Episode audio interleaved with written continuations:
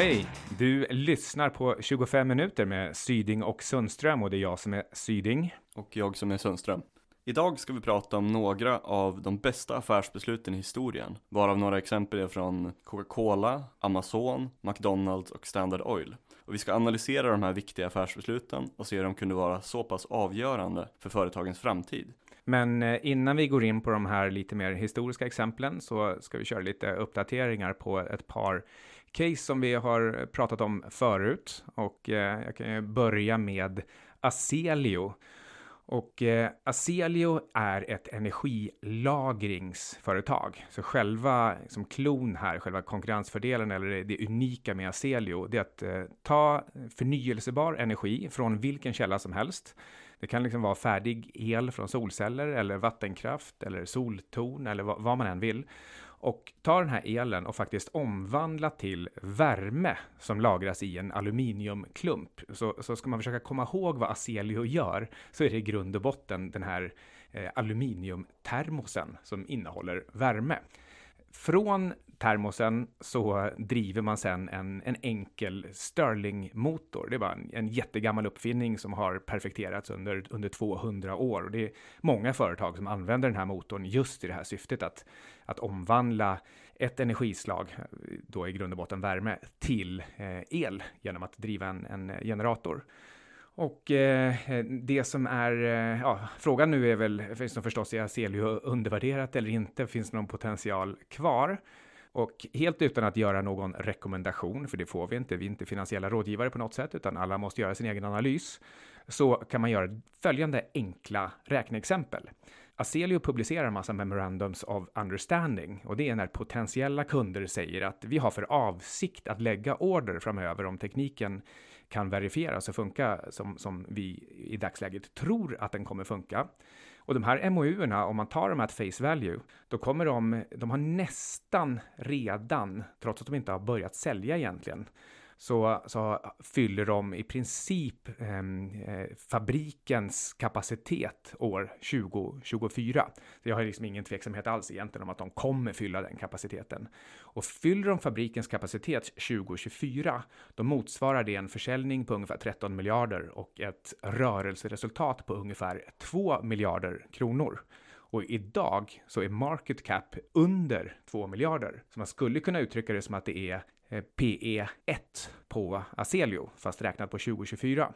Och skulle de uppnå det här målet till 2024, då finns det ingen anledning att tro att de borde handlas lägre än 20 gånger vinsten. För då pratar vi om ett högst lönsamt och snabbväxande företag. Det här innebär ju då, om man bara plussar ihop alla de här siffrorna, att eh, det finns ungefär 20 gånger potential mellan nu och 2024 om eh, man fyller fabrikens kapacitet och det ser liksom ganska sannolikt ut. Hur, ehm, för en person som mig som inte kan någonting alls om industrisektorn, hur gör man eh, hur drar man gränsen och säger att de här MOU-erna är viktiga eller på riktigt jämfört med ett förhoppningsbolag? Det går tyvärr inte att göra utifrån sett. Det här, det här är ett eh, Eh, så det blir ett leap of faith som man måste göra som kund, där man, där man, eller liksom som, som aktieägare, där man funderar över varför skulle den här typen av kundföretag, då, då pratar vi om bland annat eh, liksom ganska stora energiföretag i Kalifornien, varför skulle de vilja sätta sitt namn på ett publikt MOU och säga att vi, vi, vi har verkligen som plan att köpa så här många maskiner av Aselio under de här följande åren. Eh, vilket innebär att eh, det, ehm, det är absolut högst sannolikt att om tekniken funkar som, eh, som Aselio säger och som de här kunderna då har kunnat se i preliminära tester, då kommer de lägga de här orderna. Det, ja, det kan ju finnas ytterligare ett problem med, med eventuell liksom, finansiering i slutändan. Att, att de, här, de här kunderna skulle ju kunna få problem med sin egen ekonomi. Men jag tror i, i, i det här sammanhanget med Aselio så är avsiktsförklaringarna, de är verkligen eh, någonting att eh, lita på. Okej, okay, så man skulle kunna summera det som att du tycker det är, det är bra risk-reward i slutändan? Ja, alltså verkligen. Och det här är som sagt då innan man ens har verifieringsdata, publik tredjepartsgaranterad verifieringsdata på, på tekniken, så får man ändå in de här MOU-erna i stora volymer. Det, det tycker jag verkligen är, är talande för vilken dragkraft tekniken har. Det här är ju kunder som självmant approcherar Aselio eh, tack vare samarbetet med, med Macendo, det här världens största förnyelsebara energiprojekt i, i Marocko. Eh, det, här, det här visar verkligen att innan Aselio egentligen ens försöker sälja så kommer kunderna till dem i stora volymer. Okej, okay. ja, sen hade vi det här caset med Stockvik där vi, vi hade ju grundaren David Andreasson här på podden för några avsnitt sedan. Ja, vi gick ju igenom eh, caset då. I grund och botten så handlar det om en förvärvscompounder, det vill säga att eh, man tar vinsten från ett företag, ett innehav och den vinsten eh, den eh, använder man hävstång i form av olika typer av lån för att köpa nästa företag då på liksom samma låga multiplar. Om man dessutom i takt med att man växer kan eh, få lite billigare lånefinansiering så, så leder det här i slutändan om man gör liksom en, en enkel kalkyl där man hela tiden köper så många nya företag man kan för vinstpengar plus, eh, plus nyfinansiering att eh, eh, man, man, kan liksom se eh, en rimlig potential för en kurs på ungefär 250 kronor om ungefär 5-6 år. Och idag så är kursen 50 kronor. Så om Aselio hade 20x potential så har eh, Stockvik kanske 5x potential med den här enkla kalkylen. Och själva konkurrensfördelen eller eh, det som är värdedrivaren här, det är förmågan att eh, få förtroende hos eh, förvärvsobjekten att vilja lämna över kanske ett, ett, ett familjeföretag i, eh, i eh, Stockviks ägo. Eh, och också då förstås en analysförmåga, alltså en vana vid att titta på de här företagen. För som David sa, nästan alla företag i den här storleksklassen, de får man köpa på ungefär samma multipel, alltså 4, 5, 6 gånger ev ebit. Eh, men det är kvaliteten på dem som skiljer sig åt och det är där eh, det hänger på framförallt då kanske Davids förmåga att, eh, att se vilka av företagen som har låg konjunkturkänslighet och, och hög fortsatt intjäningsförmåga. Mm. Ja, och, men i det här fallet då, då är det till skillnad från då Aselio till exempel. Det här är mer av en klassisk värdeinvestering för den tålmodiga, inte någonting som är, kan gå upp jättefort liksom. Nej, alltså det är till och med så att i, i dagsläget så är är Stockvik på befintliga innehav, befintliga vinster, eh, lite billigt.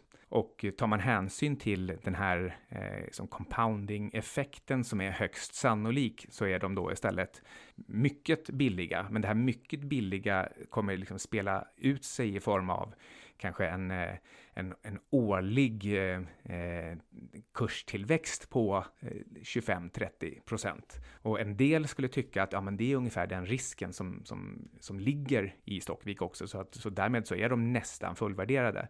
Men, men jag tycker med, med min historik och, och, insikt i företaget att eh, det är alldeles för mycket att, eh, att idag ta i och kräva 25-30 procents return. Eh, så, så jag, skulle nog tycka att hälften ungefär räcker, vilket då därmed innebär att det finns 50 till 100 procents uppsida i, i Stockvik på, på relativt kort sikt. Mm, Okej, okay. och du hade något till företag också? Ja, vi har ju tittat lite grann på Spotify också. Jag har gjort det i andra andra sammanhang.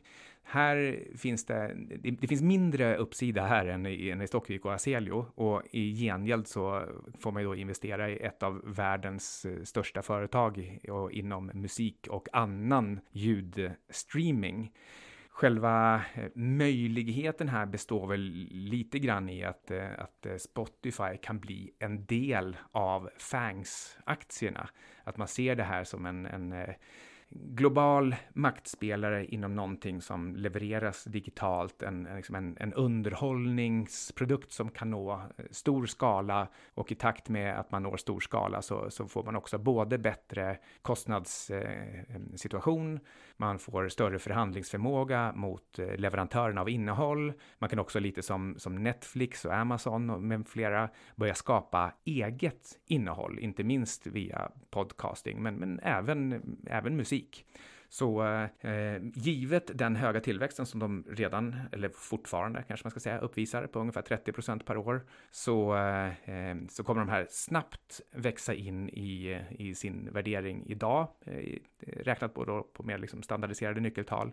Och eh, tycker jag har fortfarande en uppsida på 50 till 100 procent det är lite mer ansträngt case, men det hänger ju bland annat då på att man får jämföra de här med, med bolag som Netflix. Mm, Okej, okay. ja det är mer, ja men det är tre, tre ganska olika case då. Ja, eh, verkligen. De är, de är totalt eh, olika. Det är svårt att hitta liksom, tre mer olika representanter för olika varianter av värderingsmodeller. Mm. Ja, men då, då, har vi gjort det och eh, då går vi vidare till resten av avsnittet. Och en kort förvarning eller vad man ska kalla det innan vi går in på de här affärsbesluten. Det är faktiskt veckans två mindset. Vilka är survivorship bias och hindsight bias. Och det innebär att när man utvärderar beslut i efterhand så finns det alltid en viss survivorship bias och hindsight bias. Och det här innebär att man tenderar att endast se eller fokusera på det som gick bra, inte på de andra potentiella utfallen. Ungefär som eh, konceptet med alternativa verkligheter. Alltså de skulle kunna finnas, men eftersom vi lever i just den här verkligheten så eh, vet vi inte riktigt och vi kan inte veta hur sannolikt det var att någonting annat skulle hända.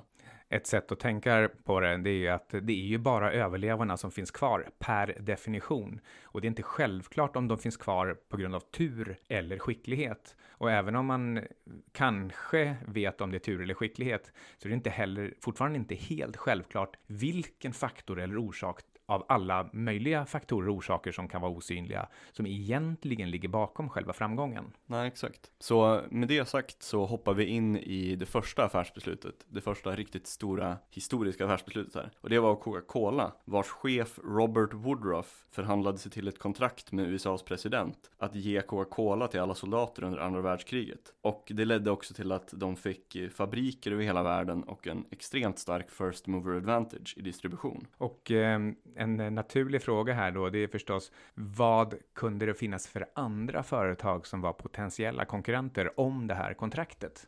Ja, det, det vet man inte. Nej, men eh, eh, nej, precis. Eller jag vet inte i alla fall. Nej, jag har heller faktiskt ingen aning. Eh, och, men jag, jag, tror att vid det här laget så hade nog Coca-Cola eh, redan slagit sig fram som den dryckesproducent som var intressant. Ingen annan hade antagligen kapacitet att göra det, vilket innebar att Coca-Colas riktiga framgångsfaktor, den hade egentligen redan spelat ut sig. Ja, de var redan dominanta i USA. Eh, men Coca-Cola är ju en av världens längst konsekvent framgångsrika företag. Och det har ju hänt i flera steg som du var inne på där. Och nu fokuserar vi bara på ett steg, hur de lyckades bli globalt dominanta. Och eh, eh en av de intressanta sakerna där, det var ju då att, ja, att eh, Coca-Cola, de, de, eh, i samarbete med Dwight Eisenhower så eh, skickar de en order att eh, bygga tio stycken nya, vad säger man, buteljfabriker. Ja, någonting, något sånt, bryggerier eller buteljeringsfabriker. Eh, ja, och det gjorde de nere i Afrika, tio stycken. Där. Och eh, när andra världskriget var slut, då hade det druckits över 5 miljarder Coca-Cola-drycker. Och när andra världskriget, eller innan andra världskriget började, då hade de 44 länder som de buteljerade i. Och efter kriget var över, då hade de mer än 100 länder som de buteljerade i. Så på lite mer än 3-4 år så hade de dubblerat sin globala distribution. Jag lyssnade för övrigt ganska nyligen på en eh, podcast om tandborstens historia. Och i den så togs det också upp eh, när och hur det slogs fast att socker inte är jättebra för tänderna. Och det var i ett eh, experiment faktiskt på ett svenskt mentalsjukhus ungefär cirka 1947-48 någonting sånt. Då, då gav man de här mentalsjuka eh, kanske inte var Coca-Cola, men det var liksom i, i princip sockerkost fem gånger om dagen. Och de fick inte borsta tänderna. Och det här ledde ju till att eh, tänderna lossnade och ruttnade och föll ur munnen på alla de mentalsjuka. Så det var liksom till och med så att man avbröt försöket i, i halvtid för att eh, till och med svenska mentalsjukhusskötare tyckte att det här var inhumant. Och hade, hade man lärt sig det här, alltså slagit fast sambandet mellan socker och karies innan 1947, eller låt oss säga innan 1943, då hade kanske inte Coca-Cola kunnat få den här typen av kontrakt. Ja, en bra poäng. Det är farligt att äta socker många gånger per dag. Och säger också någonting lite grann om, om tur. Ja. Det kanske fanns konkurrenter även liksom 1943 som, som gissade det här sockersambandet och som hade mer hälsosamma produkter, men som på grund av att de var mindre helt enkelt och det inte var eh,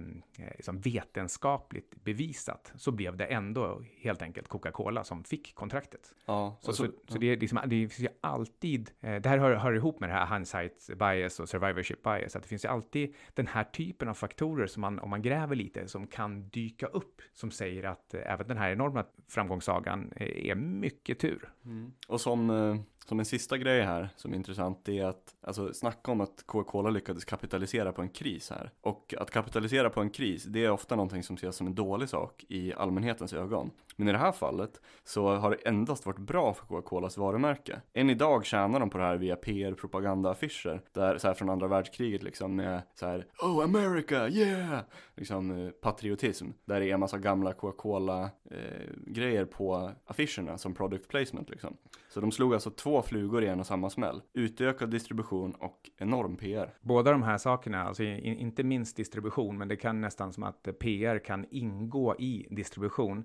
Det brukar brukar faktiskt alltid lyftas fram när man, när man pratar om startups, att eh, den, den viktigaste frågan, det är inte eh, till exempel en teknikfråga, utan det är just distributionslösningen. Vad har du för distributionslösning som gör att, att du blir billigare eller snabbare eller smartare än eh, konkurrenterna? Sen, sen tänkte jag på en sak till och det är att eh, eh, nu kan man ju på något sätt påstå att en kolsyrad läskedryck, den är så neutral att den inte riktigt kapitaliserar på en kris. Alltså de kapitaliserar ju på en kris, men det anses kanske inte omoraliskt. För du, du, du förser ju egentligen både fiendesidan och din egen med möjligheten att liksom dricka en läskande dryck. Och att det liksom inte är så, det är inte, inte ondskefullt riktigt på, på det sättet som man annars skulle kunna tänka sig att associera till kapitalisera på en kris. Men sen, sen finns det, eh, det finns ju ett företag idag som är mästare på att kapitalisera på kriser och det är Tesla. För så fort det är en orkan eller en översvämning eller den här coronakrisen som vi har nu, då går eh, Elon Musk ut och, eh, och säger att vi fixar det där. Eh, vi kommer betala för att det ska bli rent vatten till alla hushåll i Flint. Eller vi kommer förse de här orkandrabbade områdena med, med gratis eh, sol, solel och batterier. Eller som nu under coronakrisen, eh, vi kommer ställa om delar av våra fabriker till att tillverka sådana här ventilatorer och eh, förse alla sjukhus som behöver det. Eh, det. Det lustiga är att sen, sen eh, utför Tesla i normala fall inte det här som de lovar. De har ju till exempel inte producerat några ventilatorer. Nej. utan utan eh, han slänger ur sig de här, eh, de här löftena för att han vet att det blir massa positiv PR. Och det underlättar ju hans övriga distribution för att de inte har, använder sig av marknadsföring på samma sätt, utan det är Twitterkontot. Och eh, eh, det är ingen som orkar gå tillbaka och sen liksom dubbelkolla att de här sakerna utförs. Så det, det är fortfarande, det har inte publicerats något att han har tillverkat några ventilatorer och, och skickat ut. Ja, ja där ser man. Eh, om vi sen går vidare till affärsbeslut två, då är det Rockefeller och Henry Flagler, de skaffar Standard Oil, dess första betydande monopol inom Cleveland. Och de gjorde det här genom att gå på de största konkurrenterna först och sen ta hem vinsten inom området via en slags dominoeffekt och alla andra konkurrenter blev rädda för dem. Och eh, Standard Oil, det är ju som känt företaget som gjorde John D. Rockefeller till världshistoriens enskilt rikaste person med en inflationsjusterad förmögenhet av 420 miljarder dollar. Eh, om man jämför det så har Jeff Bezos, som i dagsläget är världens rikaste person, han har just nu 176 miljarder dollar. Ja, det är en, eh, förstås en eh, e-, extrem eh, situation som Rockefeller lyckades eh, sno åt sig, får man säga. Du, du får väl ha, du har lite egna åsikter om ex- exakt vad det var som gjorde att han hamnade helt rätt. Ehm, som, som jag minns det, och, och då menar jag inte att jag minns det från att, att jag eh, var med på den tiden, men eh, från Eh, en tidigare information som jag har om det här, så, så var egentligen liksom så här, det riktiga nyckeldraget, det var när, eh, när han såg till att eh, utnyttja den, sin första storleksfördel till att sätta press på järnvägarna och säga ni får inte eh, transportera någon annans fotogen än vår fotogen. Och eh, det monopolövertaget på enskilda järnvägslinjer kunde han sen eh, sprida till, till linje efter linje och se till att enbart hans grejer fick transporteras och då fick ju de andra så stora problem att eh, han, han eh, han drog ifrån eh, i sin, sina kostnadsfördelar. Ja, eh, var det här efter, minns du om det här var innan eller efter de hade monopol i Cleveland? Nej, men det, kan faktiskt ha varit väldigt, väldigt mycket i anslutning till det. Jag Ja. kommer tyvärr inte ihåg detaljerna, men det kan ju ha varit så att det var också han som var med och såg till att dra fram järnvägen hela vägen till Cleveland. Ja, ja, jag minns inte åratalen nu för det var ett tag sedan jag läste om det där. Men det var ju, om jag minns rätt så var den här Tom Scott som var, han hade något samarbete med honom i järnvägarna. Och sen, eh, sen fortsatte det där liksom. Eh, Men det, det här beslutet i alla fall. Då, det var intressant med Rockefeller och Henry, Henry Flagler. För de var ett riktigt dreamteam som kompletterade varandra sjukt bra. Och Flagler han var mer av en, liksom en idéspruta och entreprenör i den klassiska benämningen. Medan Rockefeller var mer av en, så här, en administratör eller manager, och beslutsfattare, strateg. Och de, de här två riktigt intressanta och avgörande besluten enligt mig då, i Standard Oils tidiga historia. Det var först att de, de specialiserade sig och höll sig till raffinaderiverksamheten eh, tills de var helt överlägsna där först. Och först efter de gjorde det, då gick de över till att fokusera och expandera kärnverksamheten till andra delar av värdekedjan. Eh, ja, till exempel inom oljebranschen och